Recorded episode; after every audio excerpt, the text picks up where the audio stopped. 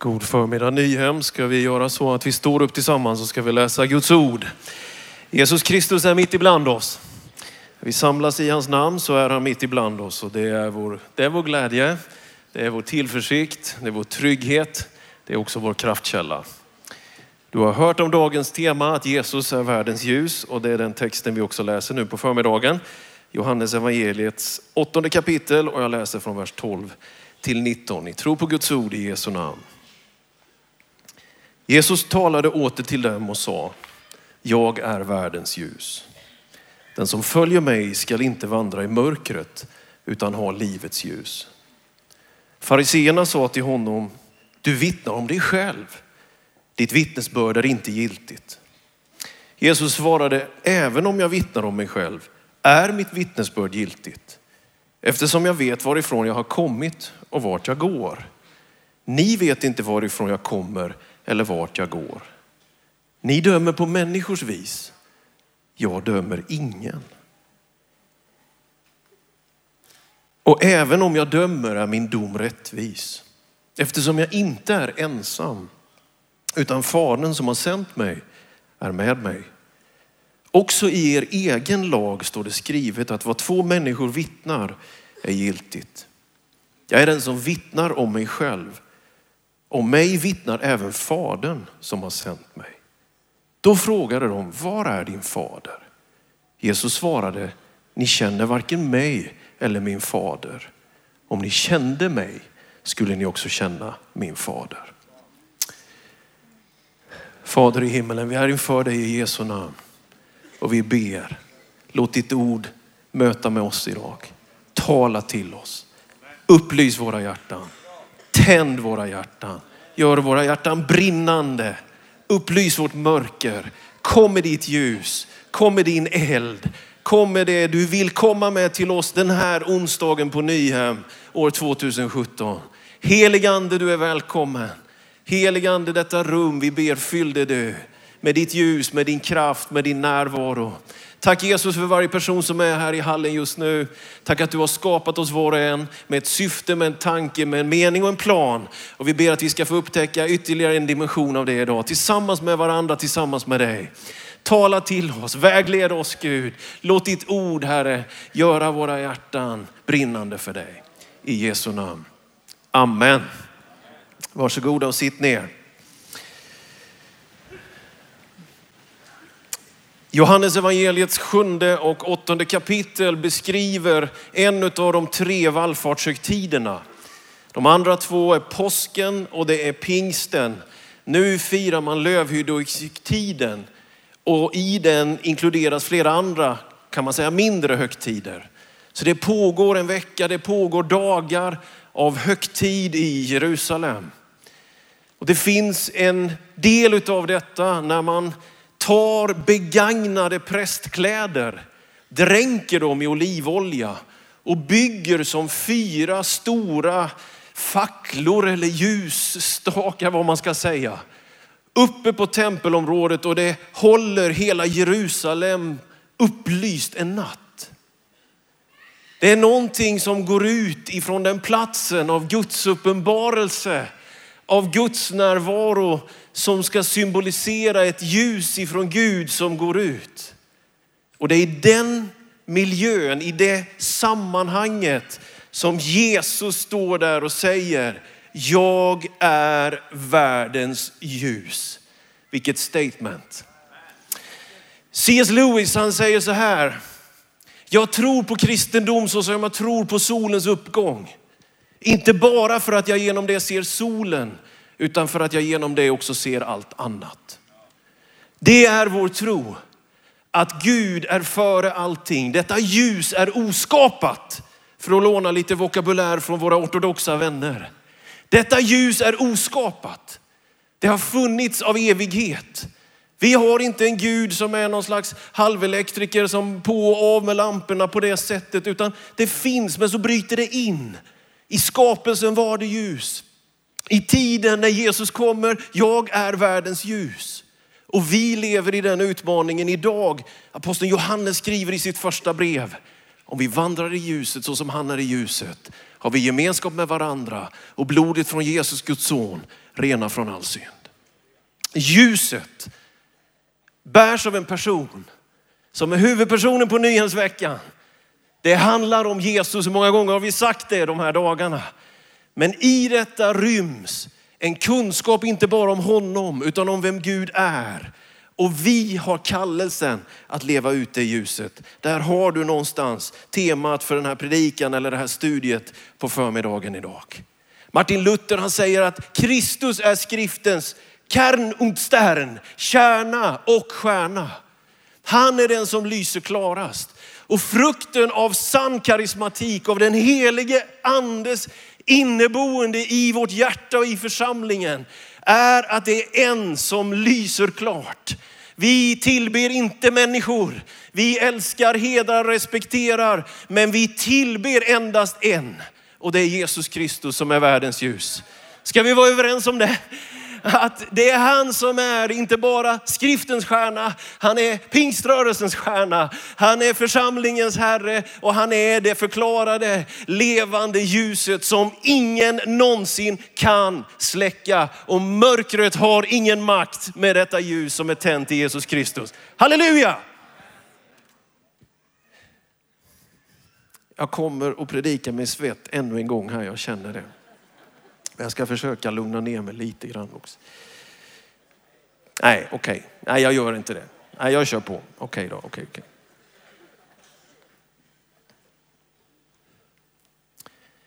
I Apostlagärningarna 28 så finns det en berättelse om aposteln Paulus på väg till Rom. Han är en av få vid den här tiden som är romersk medborgare. Och jag tänker på den resa och det som utspelar sig på Maltas strand utifrån den här bilden med de begagnade prästkläderna.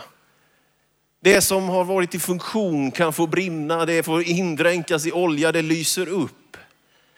Det finns en händelse där som säger så mycket tycker jag om vårt uppdrag att vara den här tidens ljus. För Jesus säger ju i bergspredikan det han inte säger i vår text idag. Han säger ni är världens ljus.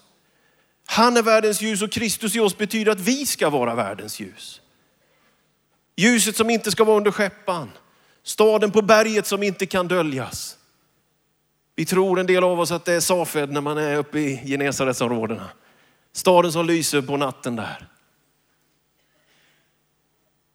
Aposteln Paulus han blir ett exempel som jag tycker är så tydligt när det handlar om att vara i tjänst för Gud, att vara ett ljus. Han är romersk medborgare, han är pressad, han är ansatt och han vädjar till kejsaren i Jerusalem. Han vet, han är smart, han är som våra missionärer, de tar sig alltid fram på något sätt. Han är smart, han vet att han har bara råd att betala monkey class själv. Men på grund av att han är romersk medborgare så fixar han gratis resa till Rom. Det är ungefär som pingstmissionärerna tänker jag. De tar sig alltid fram. Hur den är så fixar de sina uppgraderingar. Är det inte så? Kan vi inte ge en applåd för pingströrelsens missionärer? Jag på något sätt bara älskar dem där de är.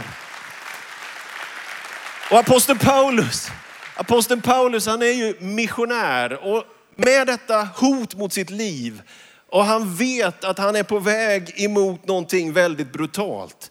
Så vädjar han till kejsaren för att han vill ju sprida ljuset. Han vill ju resa vidare. Det är så fascinerande med dessa apostlar. De är inte intresserade av att försvara sin position, utan de vill alltid vidare.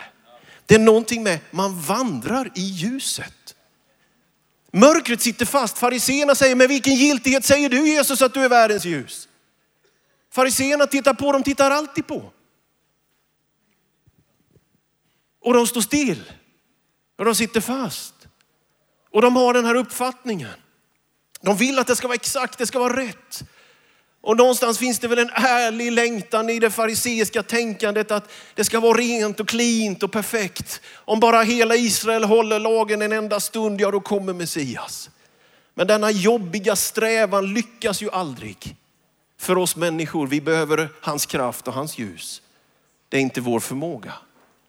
Du har den apostoliska rörelsen i ljuset. Du har den fariseiska fastlåsta, skrymsliga, mörka vrån gäller det där. Det där du säger, vem är du? Vad har du för motiv? Var kommer det ifrån? Nåväl, aposteln Paulus på väg över Medelhavet. Så spolas de upp på en strand efter ett fruktansvärt stormande. De lider skeppsbrott. De är, vad är det, 276 ombord, en hyfsad svensk frikyrkoförsamling. Och de överlever detta och de sköljs upp på stranden. Och kanske man får tänka en tanke med Sven Lidman att ligga där naken på nådens strand. De fattar inte var de har kommit, men så förstår de vi har kommit till Malta eller Melite och vilken ö det verkligen var, det vet vi inte hundra procent, men där någonstans runt Malta. Så visar byborna en ovanligt stor vänlighet emot dessa som har spolats upp. Vakterna, fångarna, alla som är där. Och de ordnar och de ordnar en brasa, en eld. Och aposteln Paulus han är inte finare än att han kan hjälpa till och förmodligen är han väl som apostlar Han tycker väl det går för sakta helt enkelt. Han måste hjälpa dem att få fram lite ved. Det ligger också i den här rörelsen i ljuset. Det går aldrig fort nog.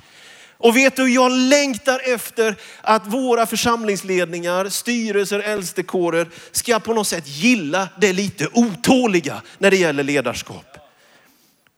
Låt oss inte ha att liksom, ah, det ska vara tryggt och säkert alltid. Det kommer aldrig vara tryggt och säkert allting. Utan någon måste få vara lite orolig också i pingst och känna att det går lite för sakta. Det är kanon, men det kan bli mer.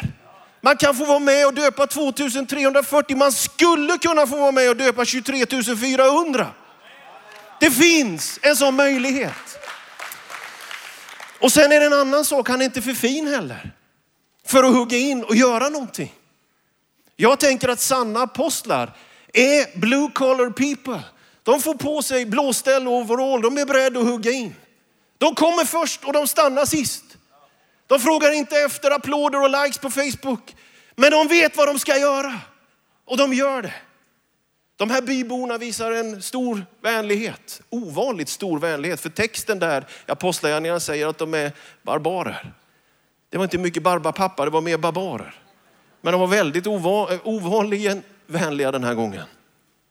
När aposteln Paulus samlade ihop till detta bål för att värma sig och för att de skulle kunna torka upp där på stranden. Så händer det som alltid händer när ljuset lyser och elden brinner.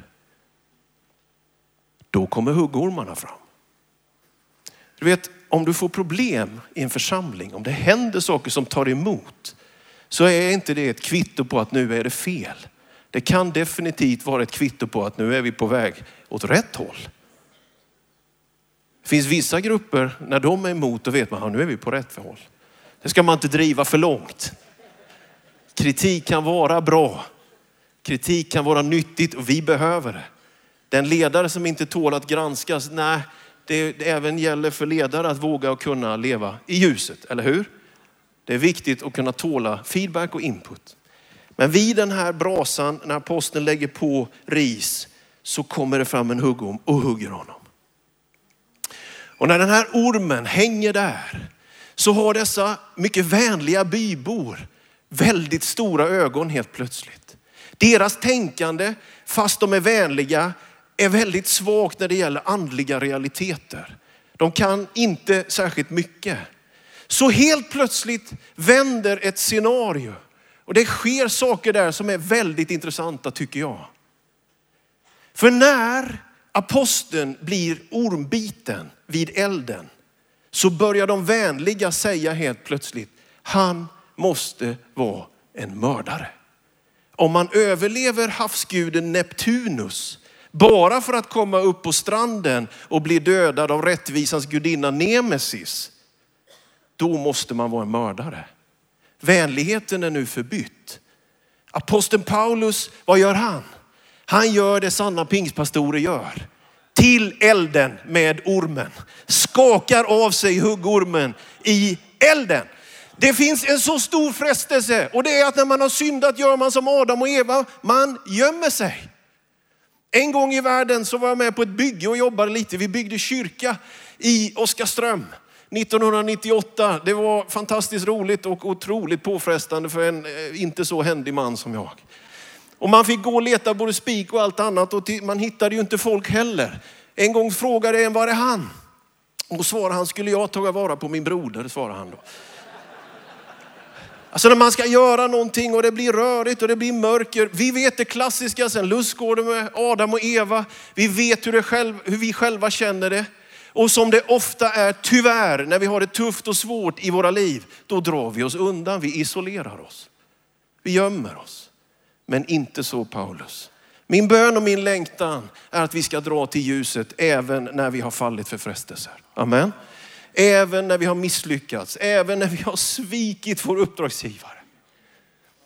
Du vet, det finns tunga stunder. Det kan se så bra ut på en estrad en söndag förmiddag en kyrka. Det finns ju en ensamhet, det finns ju en isolering. Det finns ju någonting där den som har burit yttersta ansvar, till exempel som församlingsföreståndare, vet att man på något sätt är aldrig ensam och ändå alltid ensam. Det finns stunder när tanken leder fel, när tröttheten och frustrationen gör att man faller. Vart tar man vägen då? Låt oss gå till ljuset, låt oss gå till elden. Låt oss skaka av oss huggormarna. Det är djävulens primära taktik är att odla sin dåliga pedagogik. Att först, först, först locka och säga det är inte så farligt, du behöver det där, du kan unna dig det där. Ingen kommer få veta någonting, ingen kommer se någonting, ingen hör någonting. Och så faller du för frestelsen, så vänder han sin pedagogik och så säger han, det där var verkligen farligt.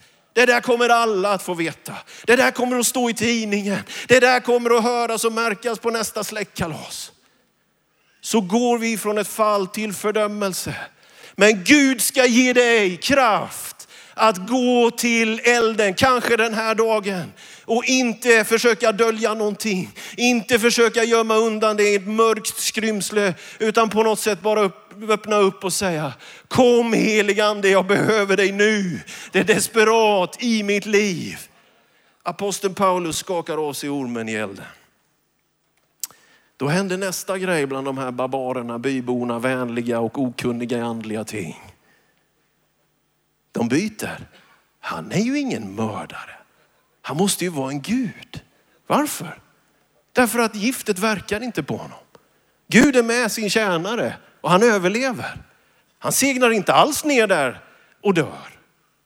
Så helt plötsligt har folkopinionen gått ifrån att du Paulus är en mördare till du Paulus du är en Gud. En kväll i Malta, lite sådär snabbt och smidigt. Om vi ska leva med det kvitto som kommer ur vågskvalpet så kommer vi att bli förtvivlade, frustrerade, desillusionerade. Vi navigerar inte efter vågskvalp, känslosvall och människors åsikter. Vi navigerar efter det eviga ljuset som är tänt. Vi navigerar efter stjärnorna på himmelen. Vi sätter vår blick uppåt. Och du vet när man firade lövhydduggtiden så skulle man bygga sig en liten hydda men den fick inte ha ett täckt tak. För på natten skulle man kunna ligga där och se Guds löftes stjärnor över hela skyn. Och vi behöver det idag. Lovat vara Herrens namn. Och vet jag vill säga till dig som är pastor och ibland pendlar mellan detta förtvivlan och ibland att kanske man kan lockas av högmodets tanke. Ibland känna att man är en olycka på väg att hända. Och ibland helt plötsligt komma ett läge, jag är nog speciell, unik för en tid som denna. Vet du, jag vill säga till dig, klipp av den värsta kritiken som är illa menad. Det anstår inte att vi behöver ta det som bara är lögner. Men klipp också av det värsta utav det som är att tro dig själv om allt för mycket. Vet du, du är varken en mördare eller en Gud. Du är en Herrens tjänare. Du är fylld av den helige ande och ditt uppdrag är att gå i det ljus som han har tänt för dig. Amen. Lovat vara Herrens namn. Aposteln Paulus är ju så skön därför att han verkar ju obekymrad av det mesta. Och det är ju så med de som har kommit en längre sträcka med Herren, liksom, att de, de har det där i sig. Att de vill bara utföra sin tjänst. De vill utföra sitt uppdrag. Och jag tror det ligger en utmaning för oss framöver. Att inte lockas till hämnd, lockas till domstänkande, lockas till något annat än att utföra vårt uppdrag. För i texten i Johannes 8 så säger ju Jesus, nej men jag dömer inte. Jag dömer ingen. Ni dömer på människors vis. Vad är detta med dom och inte dom? Ljuset som är tänt och som ska avslöja alla mörkrets ofruktbara gärningar. Hur ska det gå till och när ska det hända? Vi lever i evangeliets ljus. Vi lever i den tidseon eller fas av historiens gång där det finns en lucka, ett window of opportunity. Jesus säger i Johannes 3 och 17 så säger han att jag har inte kommit till världen, inte sände Gud sin son till världen för att döma världen utan för att världen skulle bli frälst genom honom. Och ändå vet vi att en dag kommer domen. Vi har nu ett tidsperspektiv och det var så svårt för fariseerna att ta in detta. Men aposteln förstår det och utför sitt uppdrag. Vi har nu en fas, en öppenhet, en tidsperiod där det finns en chans och en möjlighet att predika evangelium som aldrig förr. Vi är inte kallade att döma ut människor, vi är kallade att bjuda in människor. Vi har en kallelse att sprida detta ljus så långt vi bara har möjlighet att göra det. Om vi ska åka monkey class eller first class, om vi ska lida skeppsbrott eller om vi ska komma fram smooth och fint. Vad spelar det för roll? Ljuset måste fram och det är den här tidsfasen vi har nu. En dag kommer domen. När Jesus kommer, då kommer domen. Det ligger en dom framför, absolut det gör det. Men jag älskar det aposteln Paulus som vi nyss har pratat om här, skriver i första Korinthierbrevet 4. Han talar om sig själv och sin tjänst och sitt uppdrag. Och han talar faktiskt om att inte döma sig själv kan gå till första Korinthierbrevet fjärde kapitel och läsa några verser. Som Kristi tjänare och som förvaltare av Guds hemligheter ska man alltså betrakta oss. Av en förvaltare krävs att han visar sig pålitlig. Mig gör det ingenting att ni eller någon mänsklig domstol dömer mig. Ja, jag vill inte ens döma mig själv. Visserligen har jag inget på mitt samvete, men det betyder inte att jag är frikänd. Det är Herren som dömer mig. Fäll därför inte någon dom i förtid innan Herren kommer. Han ska lysa upp det som mörkret döljer och avslöja hjärtats tankar och avsikter. Och då ska var och en få sitt beröm av Gud. Döm inte i förtid. Det finns en tid av att hålla tillbaka våra bestämda uppfattningar om andra människor. Det finns en tid att hålla tillbaka de bestämda uppfattningarna om dig själv. Det finns någonting att få tag i. Att det finns ett läge där en del av er och vi oss dömer oss själva alldeles för hårt. Jesus han säger, älska din nästa. Han säger att du ska också älska din fiende. Och ibland undrar jag om inte det är fienden på insidan som är den största av alla fiender. Det dåliga självförtroendet, den låga självkänslan. Du börjar älska den fienden. Börja älska dig själv på riktigt. Döm inte ut dig själv. Det är inte slut ännu med vad Gud kan göra i ditt liv. Vad Gud kan göra genom dig. Att han kan använda dig. Att hans helige andes ljus i dig ska leda till att du ska få vara med och utföra det Gud har tänkt för ditt liv. Halleluja. Och du vet i den här texten, första Korinthierbrevet 4, så är Paulus inne på det marina livet ännu en gång när han beskriver hur man ska se på honom. Se oss som tjänare och förvaltare. Jag blev så berörd när jag studerade det här ordet tjänare. Vi vet att Jesus använder det flera gånger. Till exempel när det handlar om att vara en slav, en doulos, när han faller ner och tvättar lärjungarnas fötter. I det här sammanhanget så använder han ett annat ord för tjänare som man direkt kan översätta till en galärslav. En roddare på de stora slavskeppen som gick över Medelhavet. Där roddaren sitter fastkedjad under däck och hör inget annat än kaptensdäckets monotona trumma ge takten. Ser inget, hör inget, lyder, utför bara sitt slavuppdrag. Så ska du uppfatta mig, skriver aposteln Paulus här. Jag är en tjänare, jag är en galärslav som Ben Hur. Jag är en underroddare. Jag bestämmer ingenting. Men han säger också, du ska se mig som en förvaltare. Tanken går till exempel till Josefs hus.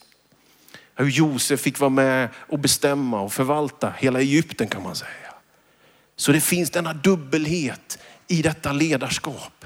Att vara fastkedjad, att bara vara lydig och utföra sitt verk och inte ställa en enda fråga. Och samtidigt kan du få dig väldigt mycket anförtrott. Men du är en förvaltare. Verket är hans. Han bygger sin församling. Och det odlar någonting i det apostoliska tänkandet som gör att aposteln Paulus är full av någonting annat än att liksom lyckas och få rätt. Vi kan läsa i andra Korinthierbrevet om detta fantastiska. I sjätte kapitlet när han säger i vers tre, vi vill inte på något sätt väcka anstöt för att vår tjänst inte ska smutskastas. Nej, under alla förhållanden vill vi visa att vi är Guds tjänare med stor uthållighet under lidande, nöd och ångest. Under hugg och slag, under fångenskap och upplopp, under arbete, nattvak och svält. I renhet och insikt, i tålamod och godhet, i den helige ande. Med uppriktig kärlek, med sanningens ord och Guds kraft. Med rättfärdighetens vapen i både höger och vänster hand. Under ära och vanära med dåligt rykte och gott rykte. Man kallar oss villolärare men vi talar sanning. Vi är misskända men ändå erkända. Vi är döende men lever. Vi är tuktade men inte till döds. Vi är bedrövade men alltid glada. Vi är fattiga men gör många rika. Vi är utblottade på allt men vi äger allt. Vi talar öppet till er Korintier, våra hjärtan är vidöppna. Vad händer när en sån apostel kommer in i rummet? Vem vill liksom säga, ja, vad får jag till lunch? Liksom? När man fylls ju av någonting annat. Man blir ju berörd och tänker, gode Gud, att den svenska kristenheten inte går upp i sitt fariseiska tänkande av att det ska vara exakt rätt till prick och punkt i alla lägen i formuleringarna. Utan att det primära är att vi lever ut denna kärleksvåg, detta uppdrag, denna, detta livsflöde. Och han bryr sig inte om han blir utblåtad. Han bryr sig inte om han blir kallad villolärare ens en gång. Han vet att han står för sanningen. Vilken nivå, vilken kvalitet. Mörkret där det står still. Det fariseiska förhållningssättet. Eller den apostoliska rörelsen i ljuset. Elden, passionen. Mig gör det inget om ni eller någon annan dömer. Jag dömer inte ens mig själv. Och så citerar han det jag faktiskt själv heter, Daniel som betyder Herren är min domare. Vet du, döm inte dig själv. Låt ingen annan döma dig. En dag kommer domen. Men till dess har vi en dag för evangeliets tjänst. Till dess har vi en dag att bjuda in. Till dess har vi en dag att vara den rörelse som Gud har tänt på pingstdagen med en flammande eld, med ett budskap av ljus för nationerna, för de områden vi inte har varit i. Jag är så glad för det som händer nu inom pingst när det gäller synen på församlingsplantering. Jag upplever att vi börjar ta oss in i ett läge där inte längre, hur ska man säga, församlingsplantering är någon slags eh, terrier som hoppar upp och biter rörelsen i smalbenet.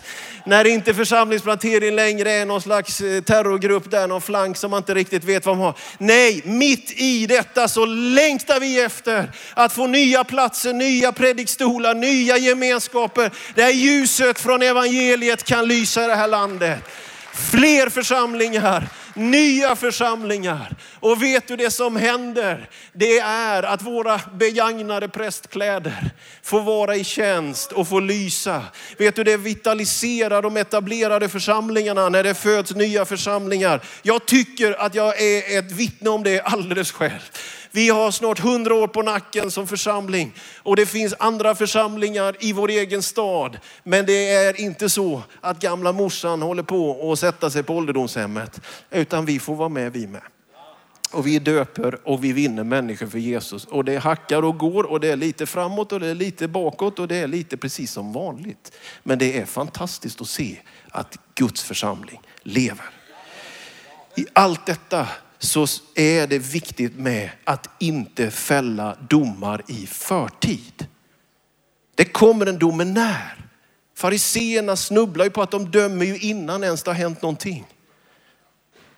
Det är ju det de alltid snubblar på. Och de får ju det stora problemet, för Gud vill ju visa deras motståndare nåd. Och det är ju jobbigt, kanske inte för er, men för mig. Tänk att Gud vill visa mina motståndare nåd. Han till och med säger till mig, älska dina fiender, be för dem som förföljer dig, välsigna dem som förbannar dig. En del tycker det är jobbigt med de bibelord man inte förstår. Jag tycker det är jobbigt med de bibelord jag förstår. Det fariseiska tänkandet har ju ingen öppenhet för nåd egentligen. Utan man vill ju få rätt, man vill ju bli segrare, man vill ju liksom håll käft, sitt still. Allt det där. Men så tänker inte vår Herre. Ljuset lyser, vinden blåser vart den vill. Jag tror det är viktigt för pingstvänner att fatta att det inte är vi som fångar andens vind, det är andens vind som ska fånga oss. Jag tror att det är en grundläggande pentekostal insikt att vinden blåser vart den vill. Andeutgjutelsen, hur långt går den? Den har stora dimensioner. Den går så långt, den går in i rum där vi aldrig har varit. Vet du det kan hända? Där du minst anar det så är anden där och gör det vi inte knappt har lust med att anden ska göra.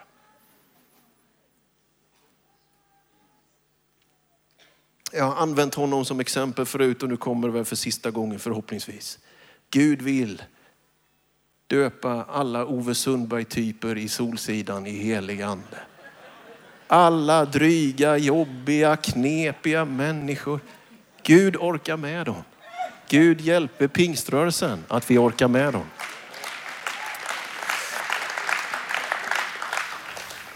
Fäll inga domar i förtid. Fäll inga domar i förtid. Det är exakt det som händer på pingstdagen när tungor som av eld, detta ljus ifrån himmelen, denna flamma kommer. När vi blir döpta i helig ande och eld.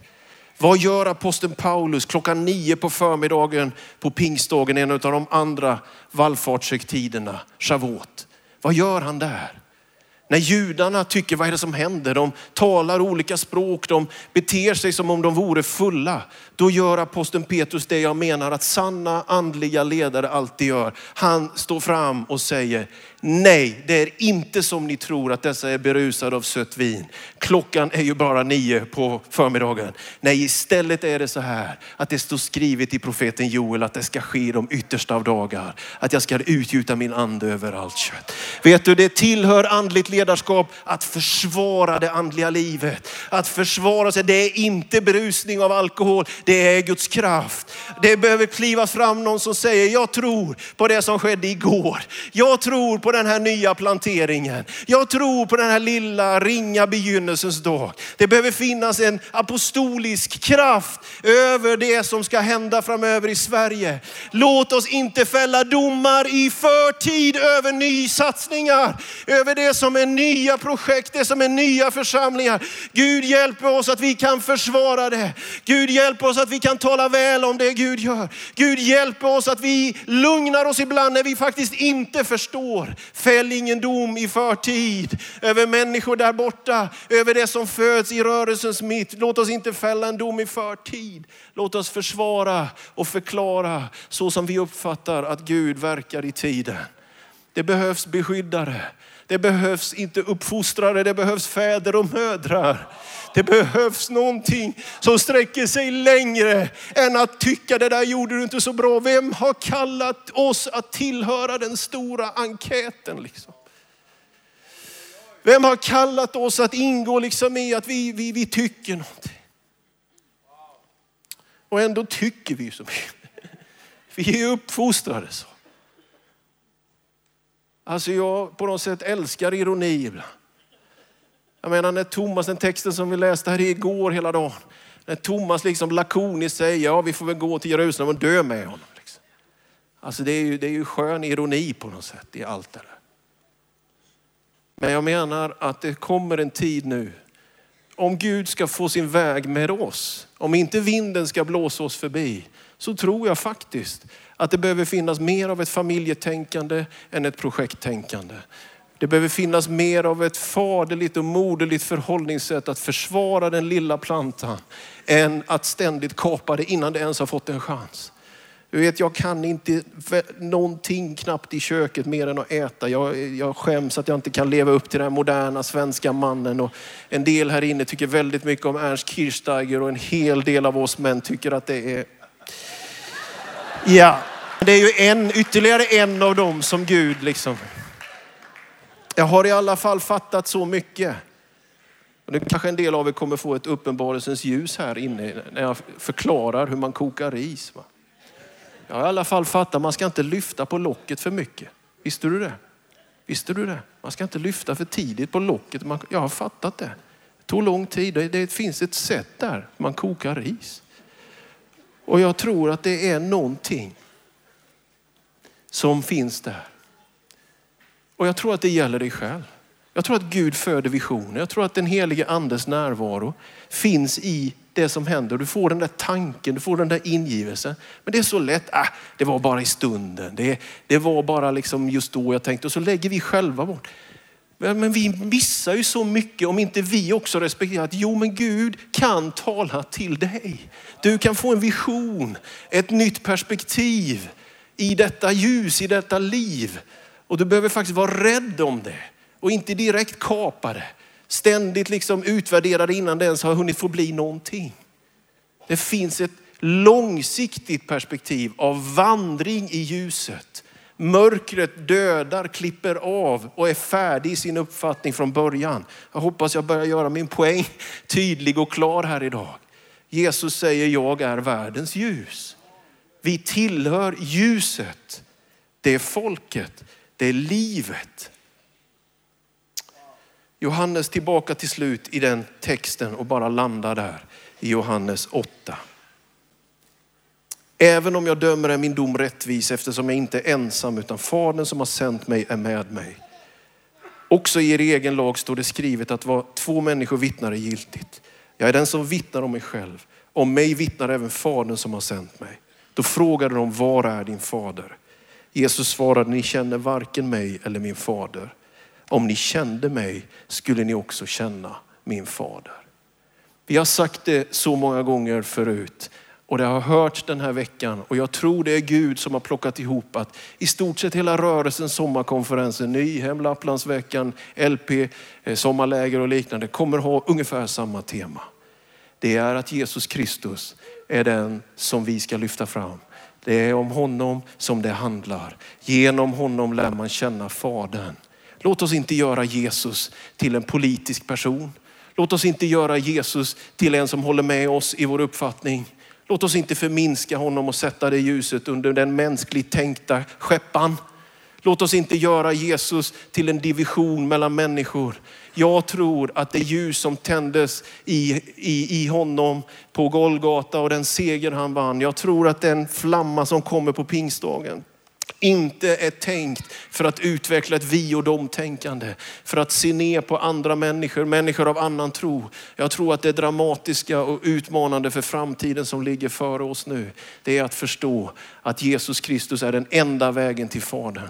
Vi får inte boxa in detta ljus. Vi får inte göra det för kulturellt att det ska vara på vårt sätt. Vi får inte fälla domar i förtid, för det står om evigheten för miljoner av människor. Vi får inte gömma undan det ljuset som Gud har tänt i Jesus Kristus och som flammar till i den helige andes närvaro på pingstdagen och lever i våra hjärtan. Det måste få lysa för att om man känner Jesus, då känner man Fadern.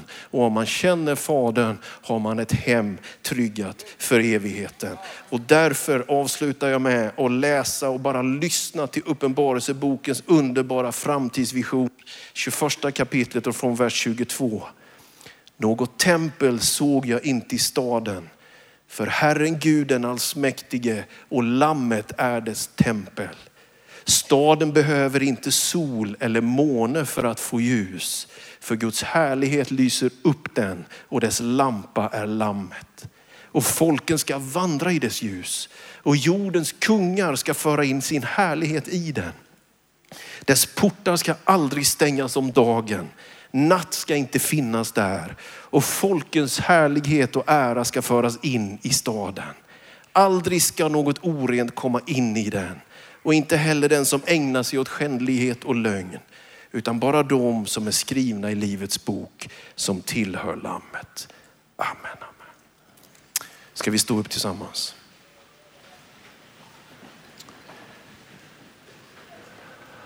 Tack Jesus. Tack Jesus. Tack Jesus. Tack Jesus.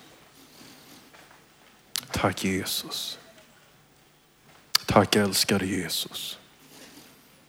Tack Jesus. Börja be där du står. Du kan tala i nya tungomål. Du kan be tyst. Du kan prisa honom högt. Öppna ditt hjärta. Låt honom få röra vid dig. Gör dig tillgänglig. Gå från mörker till ljus. Gå från isolering av att försöka dölja någonting. Skaka av dig huggormarna i elden. Gå från det som sitter fast till det som är rörelse. Gå ifrån det som är mörkrets ofruktbara gärningar till det som är vandringen i ljuset och reningen i hans blod. Den helige ande är här för att ge oss detta eldsperspektiv, denna flamma, denna rörelse som kommer utav detta element. Herren är här. Herren är här.